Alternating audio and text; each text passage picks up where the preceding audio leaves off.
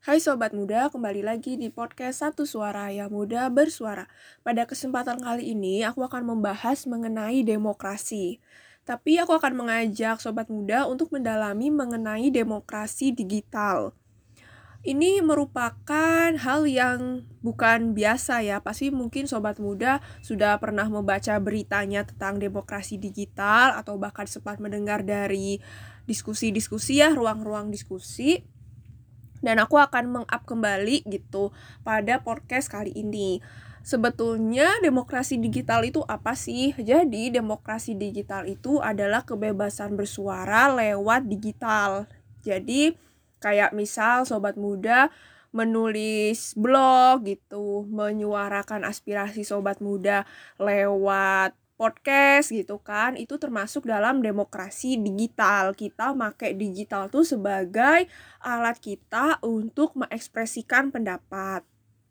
Nah, kenapa sih aku perlu bahas ini? Seperti yang sobat muda tahu, sekarang kan di tengah pandemi ini kita disinggungkan dengan yang namanya keputusan-keputusan pemerintah atau bahkan nanti kita akan memilih calon kepala daerah dan sebagainya kita perlu tahu background pejabat itu seperti apa. Nah, kita bisa mengetahuinya dari sosial media ya.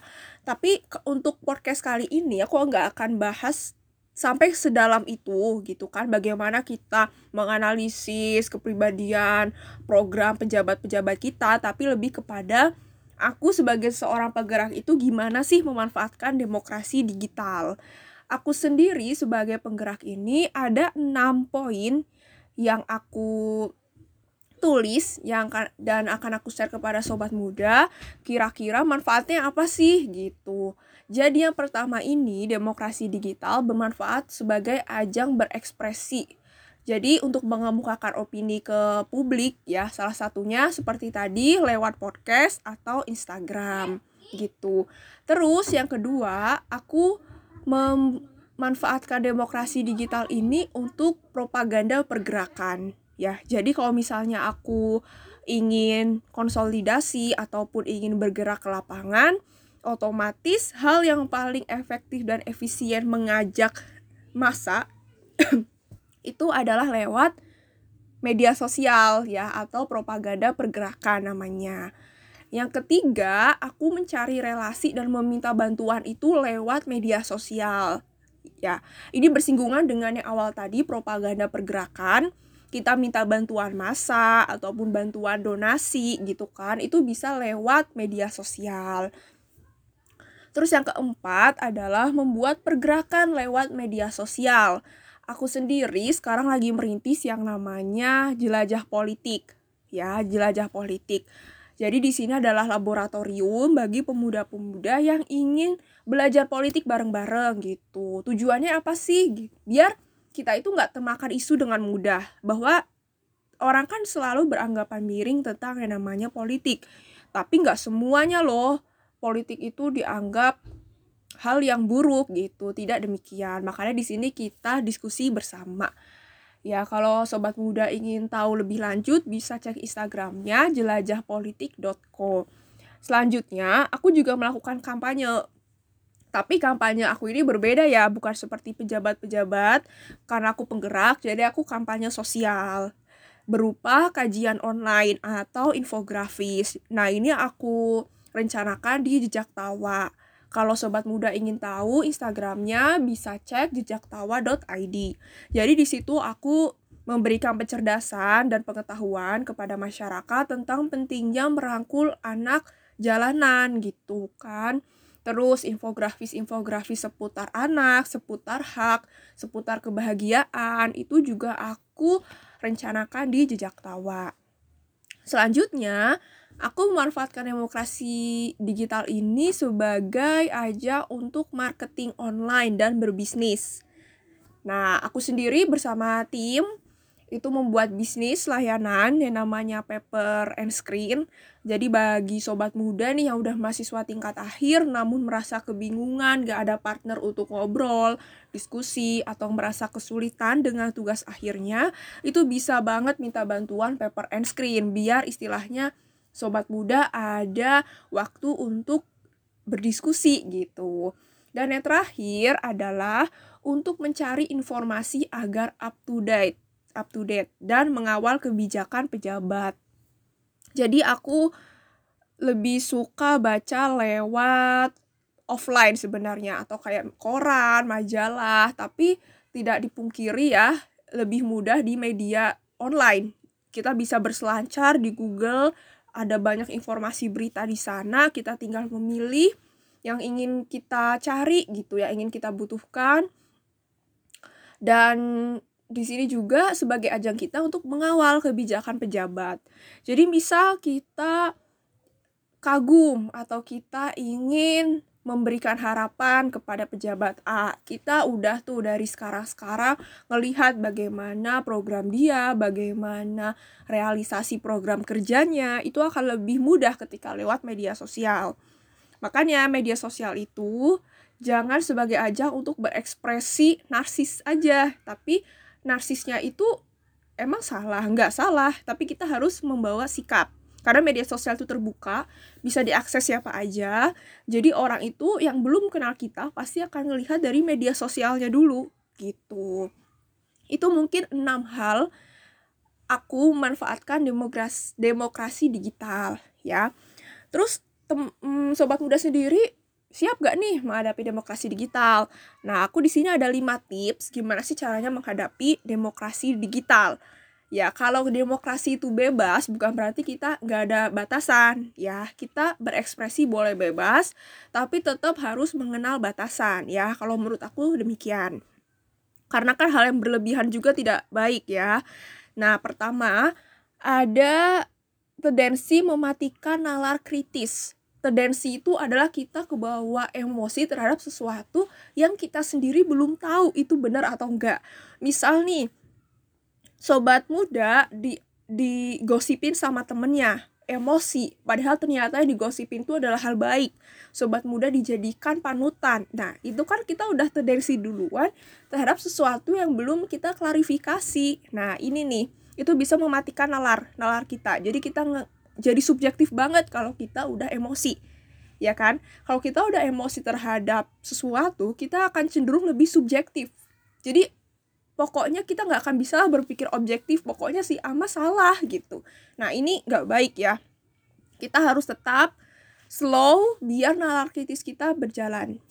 Terus yang kedua yang namanya teknologi itu pasti kayak logam uang. Ada sisi negatif dan positifnya. Itu pasti ya karena teknologi itu bersifat netral. Jadi yang di sini harus diperhatikan adalah tergantung orang yang memakainya kalau teknologi itu digunakan untuk hal baik, maka akan menghasilkan hal baik. Namun ketika teknologi itu tidak digunakan untuk hal yang baik, maka akan menghasilkan itu pula gitu. Makanya jangan salahkan teknologinya, tapi salahkan orang yang memakainya gitu. Ya. Terus yang ketiga, jadi kita yang tadi itu intinya harus bijak terhadap teknologi. Selanjutnya ketiga, kita itu bukan objek teknologi loh sobat muda. Jadi kita harus memposisikan diri kita sebagai subjek. Ya, kenapa sih kita harus memposisikan diri sebagai subjek? Agar kita itu nggak mudah gampang percaya. Kita nggak gampang percaya sama informasi. Ya, jadi kalau kita termasuk orang yang dikasih informasi langsung percaya tanpa mencari dulu ya. Maksudnya dikasih informasi berita dari A langsung percaya tanpa kita mencari dulu berita-berita dari yang lain, itu kita akan mudah tergiring opininya. Jadi kita kayak manusia flamboyan yang gampang digiring informasi. Padahal kita lah yang harus bisa mengatur informasi apa yang harus masuk ke kita dan kita harus menyikapi informasi yang seperti apa itu kita sendiri gitu. Terus yang keempat, nah ini nih yang merupakan kebiasaan, itu juga merupakan kebiasaan aku sebetulnya, yaitu kita harus baca keseluruhan informasi secara utuh. Nah, aku juga termasuk orang yang bacanya selalu scanning kalau untuk berita, jadi cepat. Jadi mengambil poin inti di akhir-akhir jarang membaca secara jelas atau full. Ya. Kalau misalnya bacaan beritanya menarik, akan aku baca banget tuh dari awal paragraf sampai titik bagian akhir paragraf. Tapi kalau yang aku udah tahu beritanya hanya sebatas klarifikasi, aku hanya baca sampai poin intinya aja dari berita itu. Nah ini sebetulnya kurang baik ya. Baiknya tuh kita baca keseluruhan informasi secara utuh. Secara utuh dan maksimalkan dengan membaca informasi di media lain. Karena tulisan orang itu kan gimana ideologi, gimana pendapat kita, subjektivitas kita terhadap sesuatu. Kalau kita hanya baca dari satu berita aja, itu nggak akan bikin kita jadi paham sejujurnya. Ya, jangan pernah kita menganggap orang yang paling paham ketika kita hanya baca dari satu sumber. Orang yang paham itu justru ketika dia bisa mengambil kesimpulan dari berbagai sumber yang berbeda atau dari pandangan orang-orang yang berbeda. Seperti itu. Yang terakhir adalah media itu kan tadi kita bahas itu untuk menyampaikan aspirasi. Ya namanya juga demokrasi ya. Kita bebas berekspresi. Tapi tetap harus ada batasan. Jadi sampaikanlah dengan cara yang baik tanpa mengandung unsur sara. Ya. Jadi di sini tuh bebas tapi tetap ada batasan. Kita kalau kita mensanjung yang namanya hak kebebasan hak seseorang kita harus memberikan istilahnya penghormatan juga kepada mereka. Kayak kita tidak menyakiti hati mereka dengan perkataan-perkataan yang tidak baik. Karena apa yang kita keluarkan apa yang kita tuliskan di media sosial itu mencerminkan diri kita. Mencerminkan martabat diri kita. Ketika orang melihat tulisan kita ngelihat ini orang kok terlalu menyudutkan dia pasti akan langsung menjudge yang nulis ini adalah golongan apa golongan apa gitu. Tapi tulisan yang bagus ini adalah yang mampu memberikan pembacanya ini jadi lebih paham dan lebih mudah untuk mencari informasi lagi. Jadi nggak gampang percaya terhadap tulisan kita. Itu yang tulisan yang bagus ya. Jadi kayak ngerasa, ah apa iya nih gitu. Dan orang yang bagus itu adalah ketika dia nulis tapi orang yang baca nggak tahu dia di posisi mana. Itu itu tulisan yang biasanya dianggap objektif gitu. Mungkin untuk podcast kali ini aku akan bahas dari segi penggerak karena aku penggerak dan aku bahas ini tuh biar kita sama-sama lebih bijak terhadap yang namanya digital. Jangan sampai makna demokrasi yang katanya bebas ini bikin kita jadi benar-benar bebas, ya. Boleh bebas, tapi coba bikin batasan yang bi jadi bikin kita tuh lebih bijak gitu. Jangan sampai kebebasan itu bikin kita makin tidak bisa menghormati orang lain. Ya, itu tidak baik kalau menurut aku. Oke sobat muda, terima kasih sudah mendengarkan podcast Satu Suara kali ini. Terus dengarkan podcast Satu Suara lainnya. Sampai jumpa yang muda bersuara.